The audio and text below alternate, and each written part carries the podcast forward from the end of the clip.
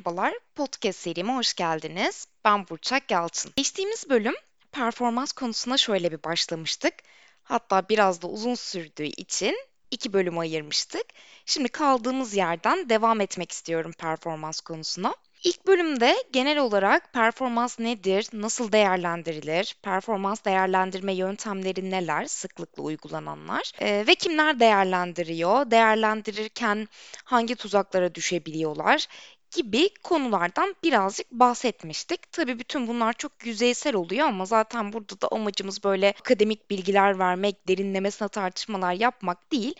Böyle iş hayatında günlük işimize yarayabilecek ufak tefek bilgileri almak. Şimdi burada da bu performans değerlendirme sürecindeki bizi konuşmak istiyorum. Yani değerlendirilen kişi olarak biz nasıl bakmalıyız bu sürece? Neler yapmalıyız? Kendimizi nasıl değerlendirmeliyiz? Oraları konuşacağız. Belki de daha öncesinde hiç performans değerlendirme döneminde kendinizi değerlendirmeniz gerektiğini hiç düşünmediniz. Çok da normal. Genellikle bize öğretilen de o oluyor. Ama bence performans değerlendirme süreçlerinin çok önemli bir parçası çalışanın kendini değerlendirmesi, kendine farklı bir göz olarak bakması. O yüzden de ben bugün hangi gözlerle ne şekillerde bakmalısınız, o meşhur toplantılara nasıl hazırlanmalısınız birazcık onları konuşmak istiyorum. Hatta kendim de performans değerlendirme süreçlerinde sık sık kendimi değerlendiririm.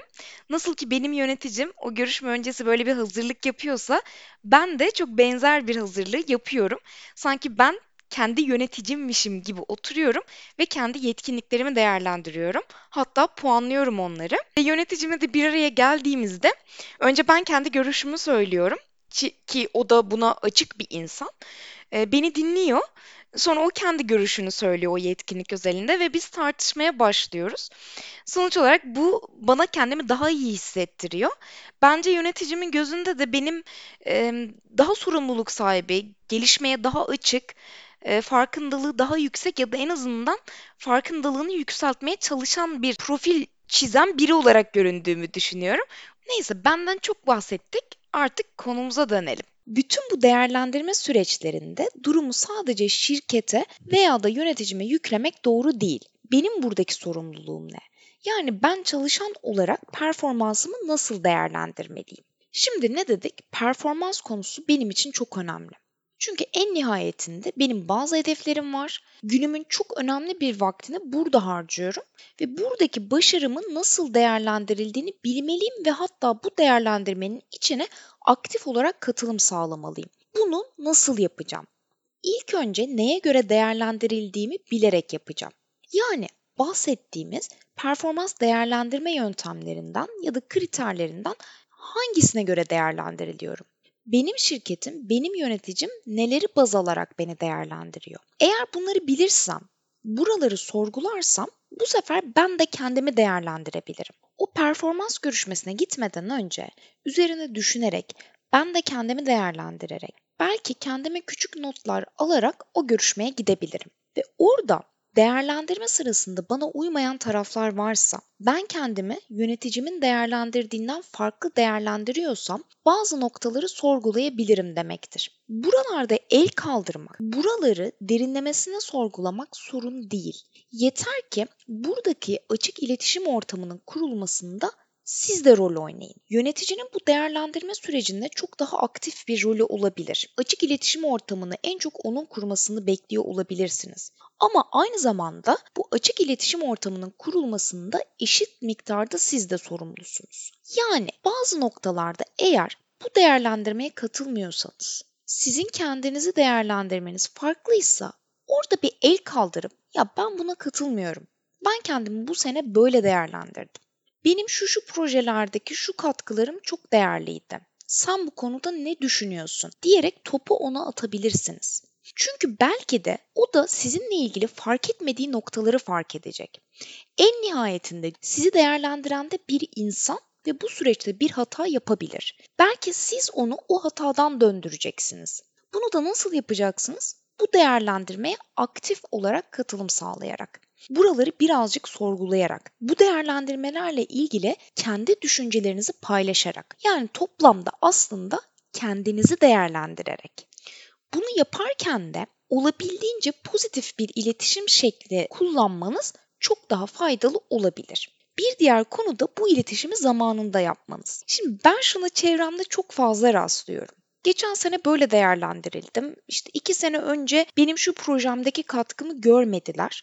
İşte beni değil Ayşe'yi terfi ettirdiler. Tamam buralarla ilgili itiraz var. Ama bu itirazı 2-3 sene sonra konuşmak ya da yöneticiye değil takımdaki A kişisine B kişisine konuşmak bir fayda sağlamayacak. Benim bunu o değerlendirme sırasında en doğru zamanda konuşmam gerekiyor. Aynı zamanda da doğru kişiyle yani beni değerlendiren kişiyle konuşmam gerekiyor. Eğer bu konuşmalardan sonra da istediğimi alamıyorsam, adaletli olduğuna inanmıyorsam o zaman farklı çözümlere gidebilirim. Belki o zaman işi farklı yerlere taşıyacağım. Belki iş değiştirme kararı alacağım. Belki bambaşka bir şey yapacağım. Departmanımı değiştireceğim vesaire vesaire. Burada çözümler değişebilir. Ama bütün bu çözümlere gitmeden önce o paylaşımı zamanında pozitif ve doğru kişiyle yapmam gerekiyor. Eğer bunları yapmazsak ve bazı olumsuz duyguları, adaletsiz olduğunu düşündüğümüz durumları içimizde biriktirirsek çok büyük kırgınlıklar yaşama ihtimalimiz çok yüksek. Ve bu bir şekilde dönüp dolaşıp bizim o işteki mutluluğumuza, o işe olan aidiyetimize ve motivasyonumuza etki edecek. Öyle ya da böyle benim performansım, mutluluğum, o işe dair hissettiğim pozitif herhangi bir şey bundan olumsuz etkilenecek ve ben kendimi kötü hissedeceğim. E aynı şekilde buradaki kötü hisler dönüp dolaşıp şirkete de zarar verecek. Çünkü o noktadan sonra belki şirket için eskisi kadar faydalı işler yapamayacağım. Eskisi kadar kendimi veremeyeceğim. Dolayısıyla burada bu kırgınlıkları, bu katılmadığınız noktaları paylaşmak hem kendiniz için hem de işiniz için, şirketiniz için çok büyük bir sorumluluk. Buna belki bu bakış açısıyla bakabilirsiniz. Bir diğer konu da bu kırgınlıkları içimizde biriktirdikçe çok fazla pasif agresif bir tutuma bürünebiliyoruz. Ve bu durum başta psikolojik olarak sonra da fiziksel olarak dönüyor dolaşıyor bizi etkiliyor. Aslında bize zarar veriyor. Daha sonra öfke haline bürünebiliyoruz. Yani çok öfkeli bir çalışan oluyoruz ve az önce bahsettiğim o pozitif iletişim ortamını kurmak bir yana kimsenin bizimle konuşmak istemediği, ya şimdi ona da bulaşılmaz sinirlenecek dediği bir çalışan profiline dönüşebiliyoruz. Yöneticimizle olan ilişkimiz daha da kopmaya başlıyor ve ben belki 3 sene önceki ben olmuyorum. Bir diğer ihtimalde toksik bir çalışana dönüşebiliyorum. Yani takım içerisinde hep olumsuz duyguları yayan, çevremdeki insanları da benim gibi olumsuz düşünmeye iten bir kişi haline dönebiliyorum. Bu sefer de aslında hem yaptığım işten keyif almıyorum hem de başkalarını keyif aldırtmıyorum ve bulunduğum ortama da zararlı bir etki yaratıyorum. Bütün bunları göz önünde bulundurduğunuzda performans konusuna kendi sorumluluğunuz olarak da bakmak. Burada kendinizi değerlendirmek, nasıl değerlendirildiğinizi bilmek daha da önemli bir konu haline gelmeli diye düşünüyorum. Ve en kötüsü de yıllarca emek verdiğimiz o işimizden istifa ediyoruz. Neden? Yeterince açık olmadığımız için. Yeterince katılım sağlamadığımız için. Yeterince paylaşım yapmadığımız için, sıkıntımızı dile getirmediğimiz için, zamanında el kaldırıp ben buna katılmıyorum diyemediğimiz için. Aynı durum hedeflerimiz için de geçerli. Benim tecrübe ettiğim çevremden hedeflerimizi paylaşmaktan çekiniyoruz. Yani gidip yöneticimize ben ileride yönetici olmak istiyorum demiyoruz da onun bunu keşfetmesini bekliyoruz. Keşfedebilir, çok ilgili bir yöneticidir. Sizin yetkinliklerinizin ve liderlik motivasyonunuzun farkındadır, destekler. Ama keşfedemeyebilir. O zaman da benim burada el kaldırıp bunlar benim hedeflerim demem gerekir. Yani ben yönetici olmak istiyorum, ben uzman olmak istiyorum, sebebi de bu diyebilmeliyim. Bu aynı zamanda karşı tarafa da bir pas atmak demek. Yani bakalım yöneticim, şirketim benim hakkında ve benim hedeflerim hakkında ne düşünüyor? Eğer onlar benimle paralel düşünmüyorlarsa, yani ben de liderlik becerisinin olmadığını ya da uzman olacak kadar teknik derinliğe sahip olmadığımı düşünüyorlarsa neden? Belki oralardan kendime gelişim alanları bulacağım ve geliştireceğim o tarafları. Ya da belki de fikirlerimiz uyuşmayacak. Ben hedeflerim doğrultusunda kariyerimi farklı bir yerde, farklı bir şekilde devam ettireceğim. Burada vakit kaybetmemek için benim hedeflerimi dile getirmem lazım. Ben bunu istiyorum. Ben burada olacağım diyebilmem lazım. Bu aynı zamanda kariyerinizde sizi karar verici yapacaktır. Yani kariyerinizi birilerinin eline bırakmak ne kadar güvenilir? Bir yöneticinin ya da üst yönetimin, bir şirketin benim hedeflerimi belirlemesini beklemek. Bana verdikleriyle yetinmek. Bu size ne kadar yetecek? Ne kadar yıl sizi götürebilecek? Ne kadar yıl sabredebileceksiniz? Mutlaka yapmak istediğiniz bir şeyler var. Bir takım hedefleriniz var. Buraya giderken ben bunu istiyorum demek. Belki sıkıştırmadan, kıvamında, zamanında, belirli aralıklarda ben burada olacağım demek sizin için faydalı olabilir. Ama şunun da farkındayım. Bu bahsettiklerim her şirket için, her yönetici için kolay olmayabilir. Bulunduğunuz şirket, çalıştığınız yönetici bunları paylaşmak için açık bir yer olmayabilir ve siz bu konuyla ilgili denemiş olsanız da çok büyük zorluklar yaşamış olabilirsiniz. Bunu çok iyi anlıyorum.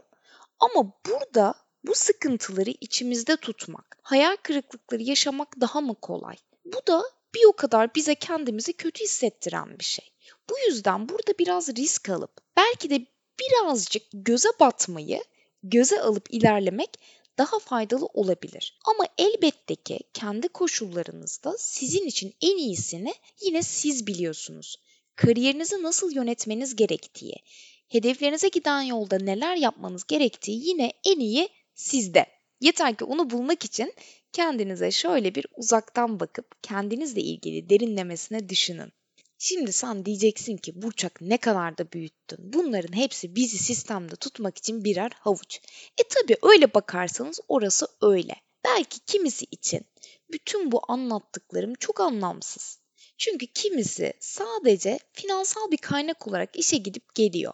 Öyle hedeflerde falan da çok işi yok. Aynı zamanda performans değerlendirme dönemine aktif katılım sağlayacak kadar da önemsemiyor bu dönemi. E bu da normal ama şunu da unutmamak gerekir. Bazılarımız için bu konular gerçekten önemli. Ya da bazılarımız henüz kendi kafesini açacak kadar, Kanada'da barista olmaya gidecek kadar cesaretli değil. Birazcık daha zamana ihtiyacı var. En azından bu zamanı en iyi nasıl değerlendirebilirim? Bu sistemin içinde kalarak kendimi nasıl mutlu edebilirim konularında belki bu birazcık fayda sağlayabilir diyerek performans konusunun da sonuna gelelim artık. Ben bir sonraki bölümlerde de yine dikkatinizi çekeceğini düşündüğüm ve popüler olan konulara odaklanmak isteyeceğim iş hayatı çerçevesinde. Ama bir noktadan sonra aslında biraz bu podcast kanalının interaktif olmasını istiyorum. Bu yüzden de bugün bir e-mail adresi aldım. podcast for your information at gmail.com diye en basit, en kolay ve en bedava şekilde alınabilecek bir adres aldım. Neyse ki bu isimde çok fazla e-mail adresi olmadığı için çok da kolay alabildim. Bunu da mutlaka profile ekleyeceğim. İlerleyen bölümlerde sizin de dikkatinizi çeken, benim yorumlamamı istediğiniz farklı konular olursa onlarla ilgili de podcast çekmeyi gerçekten çok isterim. Aynı zamanda da aslında bu e-maili sizlerden gelecek geri bildirimler açısından da almak istedim. Çünkü burada alacağım geri bildirimler hem benim için hem de bu podcast serisi için eminim çok faydalı olacak. O zaman şimdilik kendinize iyi bakın diyorum ve for your information diyorum bugünkü konuya.